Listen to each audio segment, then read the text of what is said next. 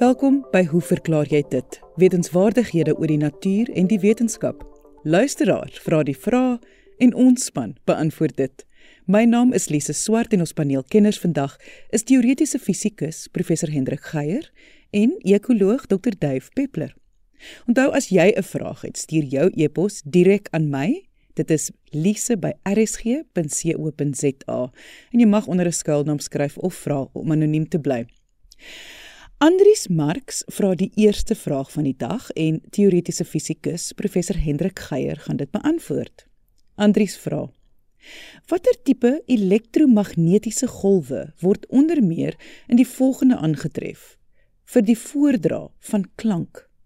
Hoe werk dit? Waar word kortgolf en mediumgolflengtes aangewend?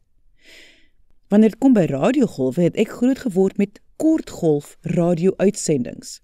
Daar was baie versteurings. FM het radio-ontvangs natuurlik verbeter.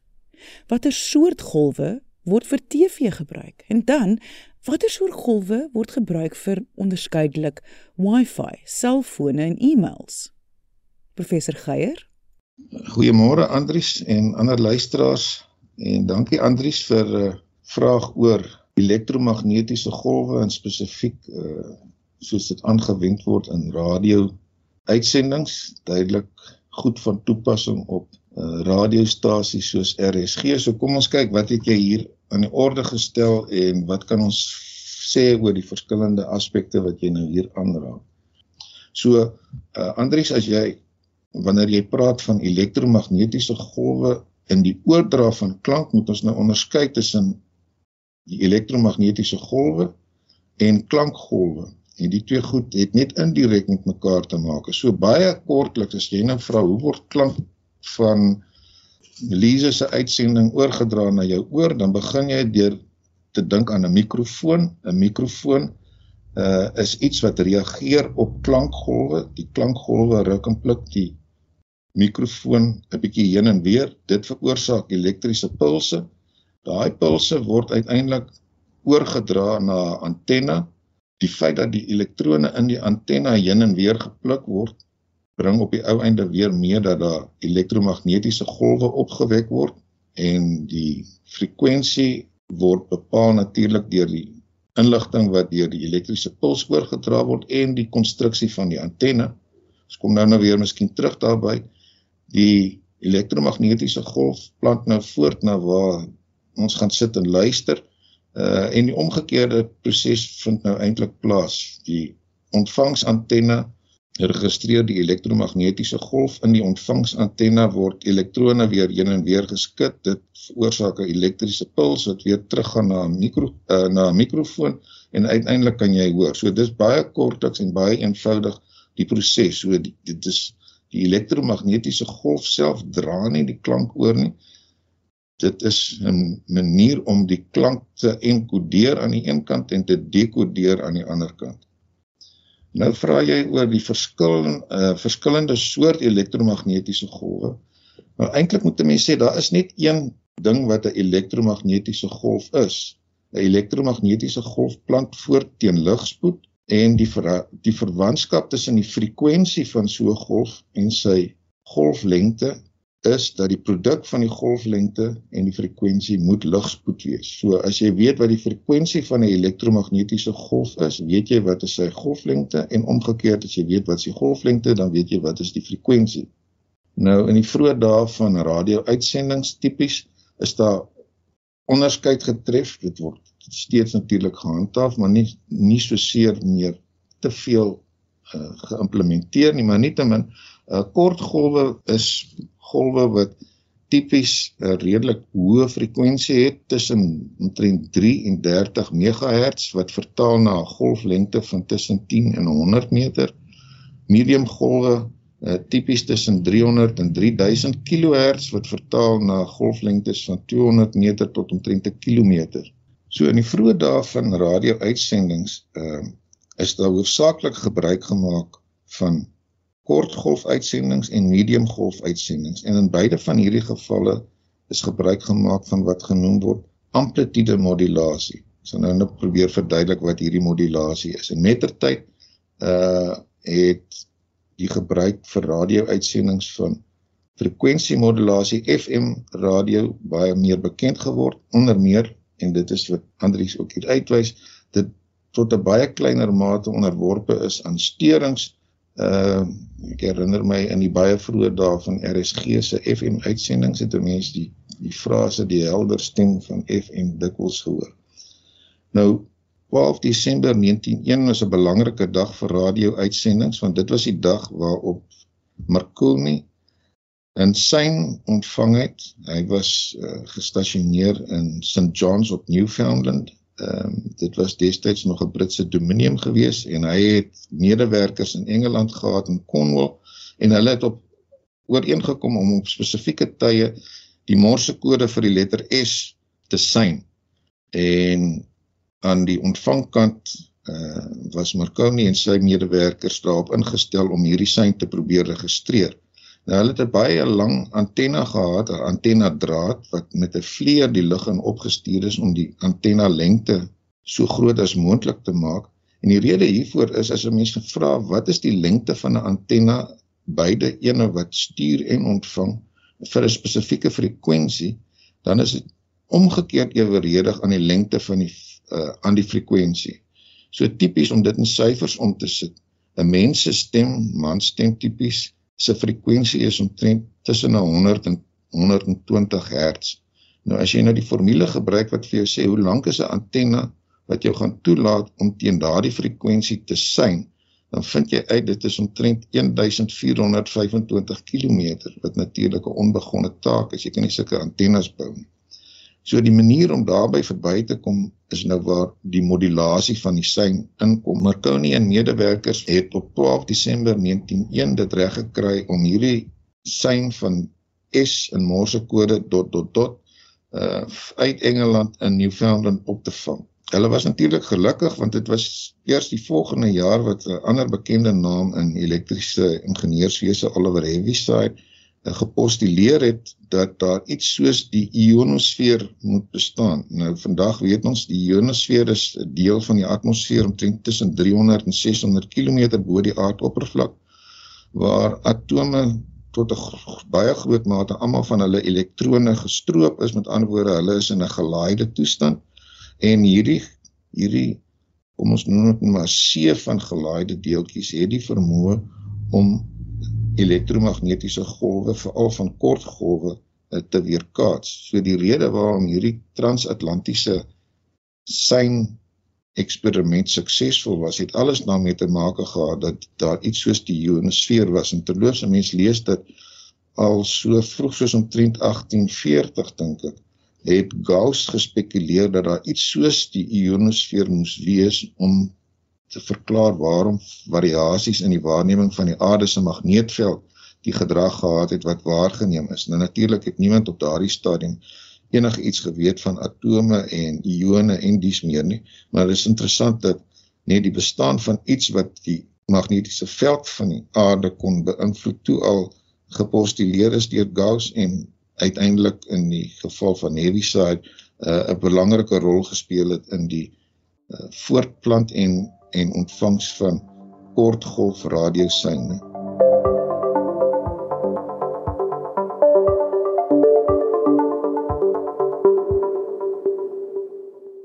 Nou die modulasie van sulke van sulke golwe in die geval van kortgolf en en mediumgolf praat ons van amplitude modulasie en terloops op op ouer radio sal 'n mens tipies stellings skryf wat of direk verwys na mediumgolf of kortgolf of sommer in die algemeen net na AM amplitude modulasie.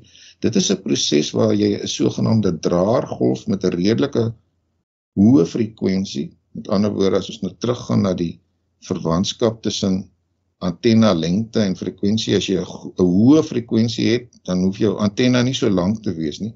So die draergolf is iets wat 'n hoë frekwensie het en sy amplitude word nou gemoduleer met die inligting wat in die syngolf is. Met ander woorde, tipies die klankgolf wat jy nou wil oordra. Nou hoe dit plaasvind is nie 'n eenvoudige saak om sommer net vinnig te verduidelik nie. Ons kan maar net sê die twee golwe word gekombineer.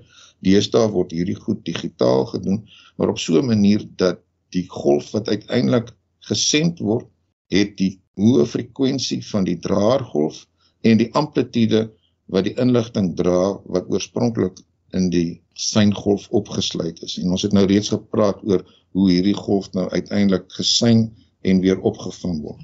En by medium golf uh, gebeur dieselfde situasie. Die enigste verskil is dat uh, medium golwe uh, radiogolwe is tipies tussen omtrent 300 en 3000 kHz wat vertaal na golflengtes van omtrent 200 meter na 1 km. So dis die verskil of die onderskeid eenvoudig in terme van golflengte. Nou met die tyd het dit gebleik dat of mense het natuurlik vroeg al agtergekom dat hierdie kortgolf en mediumgolf uitsendings tot 'n redelike mate beïnvloed kan word deur atmosferiese kondisies wat die, wat spesifiek die amplitude beïnvloed. So as daar 'n donderstorm is wat deur jou uh elektromagnetiese kortgolfsein voortgeplant word, dan gaan dit 'n invloed op die amplitude hê en die amplitude dra die inligting en dis hoekom jy tipiese geruis hoor. Aan die ander kant as jy daaraan slaag om die frekwensie te moduleer terwyl jy die amplitude konstant hou, dan gaan daar geen variasie op die amplitude wees nie en die die weeromstandighede het nie 'n invloed op die frekwensie nie en dit is dus hoekom die die klankkwaliteit van 'n frekwensie gemoduleerde golf uh, baie hoër is as die uh, van 'n amplitude gemoduleerde golf. So Lise, ek dink ek gaan nou die vraag afsluit hier net vinnig te reageer op die op die laaste gedeelte van uh, Andri se vraag oor watter golwe word gebruik vir Wi-Fi, selfone en e-pos.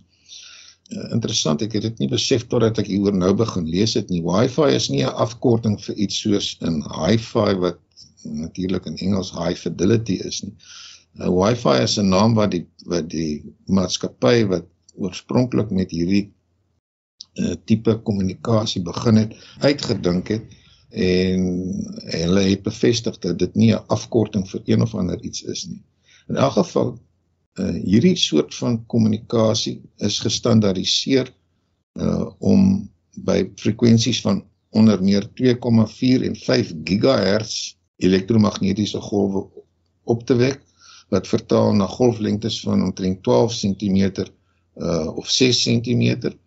Selfone gebruik frekwensies tipies tussen 900 MHz en 1800 MHz en dit vertaal na golflengtes van tipies omtrent 30 cm. So Andries die onderskeid lê eenvoudig in in die golflengtes wat gebruik word vir hierdie verskillende tipes kommunikasie. En as jy nou vra hoe werk e-pos dit wel, dis natuurlik deel van die sogenaamde internet of wêreldwye web en ons weet dat daar nou 'n hele klomp kommunikasiekanale 'n rol hierin speel. Sommige is eenvoudig harde kabelkommunikasie. So nou en dan sien ons dat 'n onderseese kabel tussen Europa en Afrika beskadig is en dus beïnvloed dit die tempo waarteen inligting oorgedra kan word. 'n Boonbehalwe hierdie harde bekabeling is daar natuurlik ook gewone uh elektromagnetiese golfkommunikasie tussen selfoon torings byvoorbeeld en ander maatskappye wat vir die gebruik van byvoorbeeld internet en e-pos kommunikasie ook elektromagnetiese golfkommunikasie inspan. So op die ou einde is daar eintlik net een soort golf ter sprake, elektromagnetiese golwe. Hulle het natuurlik verskillende frekwensies oorgeset synde golflengtes want die twee goed gaan hand aan hand. In radio-uitsendings word daar deesdae hoofsaaklik van frekwensiemodulasie gebruik om klanksterings te minimeer. In die vroeë dae is gebruik gemaak van amplitude modulasie wat tot die tipiese geruise aanleiding gegee het waarna Andries verwys en deesdae se kommunikasie deur selfone, die internet en Wi-Fi uh, gebruik 'n kom, kombinasie van harde bekabeling, veselbekabeling, elektromagnetiese golfkommunikasie deur selfoontorings en dies meer. So 'n uh, 'n uh, interessante en toenemend gekompliseerde wêreld Andries, maar dankie vir jou vraag wat ons toegelaat het om ten minste na sommige van die basiese aspekte te verwys. En dit is die stem van professor Hendrik Geier, teoretiese fisikus. Indien jy 'n vraag het, stuur jou e-pos direk aan my. Dit is lise@rsg.co.za of jy kan ook deur RSG se webwerf vir my 'n vraag stuur. Gaan na www.rsg.co.za. Onthou om in jou vraag soveel as moontlik inligting te verskaf sodat die antwoord so duidelik as moontlik kan wees.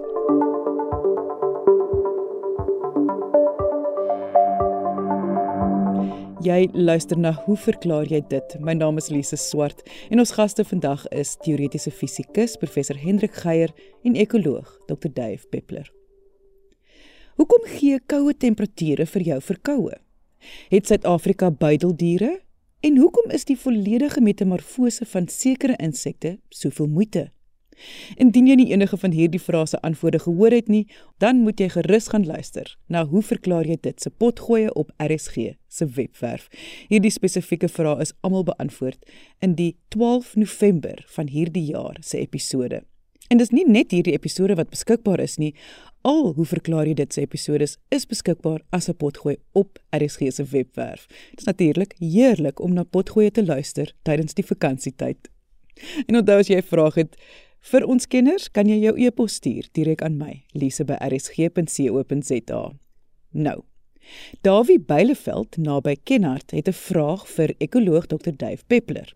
Hy skryf: Ek het iets probeer afneem wat ek wil hê Dave Peppler moet na kyk.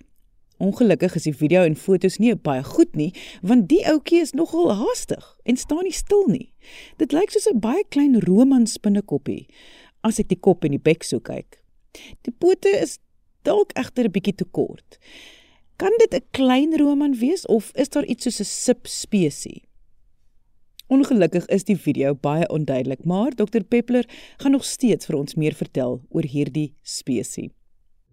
Lise en Dawie, indien ek 'n bietjie koorsig klink, is dit omrede ek hierdie diertjie in my ergste, verskriklikste nagmerries besoek. Dit is 'n een van die goed wat ek ongelooflik bang vir is met absoluut geen rede nie. En waarvan praat ons? Ons praat van die baardskeerder.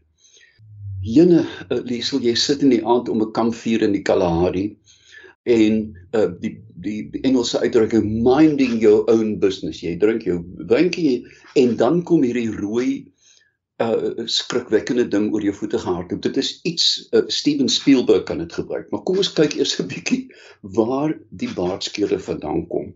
Uh, en onthou ek het 'n baard. Um Baardskeerders kom voor in die in die orde van die klas Anrachnidae. En hier is die eerste verwysing dat hulle wel verwant is aan die spinnekoppe, maar hulle is nie spinnekoppe nie. Daar's byna 1000 spesies van hulle in omtrent 147 genera en ons kan dalk uh, in die toekoms 'n hele program wy aan die indeling van diere in klassifikasies. Wat is die filogenetika? Ons het nou tyd daarvoor nie. Meeste van hierdie uh, baadskeders lewe in baie droë gebiede en maak jag op veral insekte, maar die grootes kan tot voeltjies, slange um en knaagdiere vang. In praat van groot Die grootste se liggaamslengte, dit sluit die pote uit, is 12 tot 15 cm. Dis groter as jou hand. Nou ja, meeste word gemeet soos ek sê aan die liggaamslengte, want die pote kan die meting 'n bietjie um verwar. Nou die liggaam bestaan uit twee dele, die tagmata met ander die voorste kopgedeelte en dan die die opistomata, 'n gesig gesegmenteerde um uh, daar's 10 segmente met ander woorde die agterlyf kan ons dit noem. Nou hulle haal asem nie deur boeklonge nie, maar uh, deur 'n stelsel wat lug, 'n tracheale stelsel wat lug oor 'n aantal spirakels laat vloei. Met ander woorde heen en weer vloei oor organe wat dan suurstof opneem. Die uitstaande kenmerk van hierdie uh, verskriklike diere is die chelicerae. Met ander woorde hierdie twee groot getande skrikwekkende knypers voor aan die liggaam van die dier. Nou ja, um hulle is verskriklik kragtig en hier kom die naam baardskeerde heel moontlik vandaan. So kragtig dat indien hulle 'n muis sou bevreet, kan hulle die hare verwyder deur die vel knip soos 'n skêr en dan die liggaams uh, vloeistowwe opsuig. die, die hele ding klink vir my eenvoudig na 'n 'n nagmerrie. Hierdie monddele kan ook striguleer. Dit is kom voor by baie insekte soos sprinkane en krieke waar een orgaan oor 'n ander gekrap word om sodoende 'n geluid te maak. Wat die funksie daarvan is, is nie heeltemal bekend nie. Hulle het agt pote soos spinnekoppe alhoewel dit lyk as of hulle 10 het. Maar voor is natuurlik hierdie pelipalps. Hulle is oortrek met lang gewoonlik rooi haaragtige strukture uh, wat die omgewing aftas met ander woorde as hulle stil sit en iets beweeg agter hulle kan hulle dit uh, waarneem um, en ook natuurlik as hulle stil staan kan hulle die vibrasies van 'n prooi so opvang voor aan die kopgedeelte is twee groot opsigtelike oë die ekologie van hierdie dier hulle is karnivore en omnivore.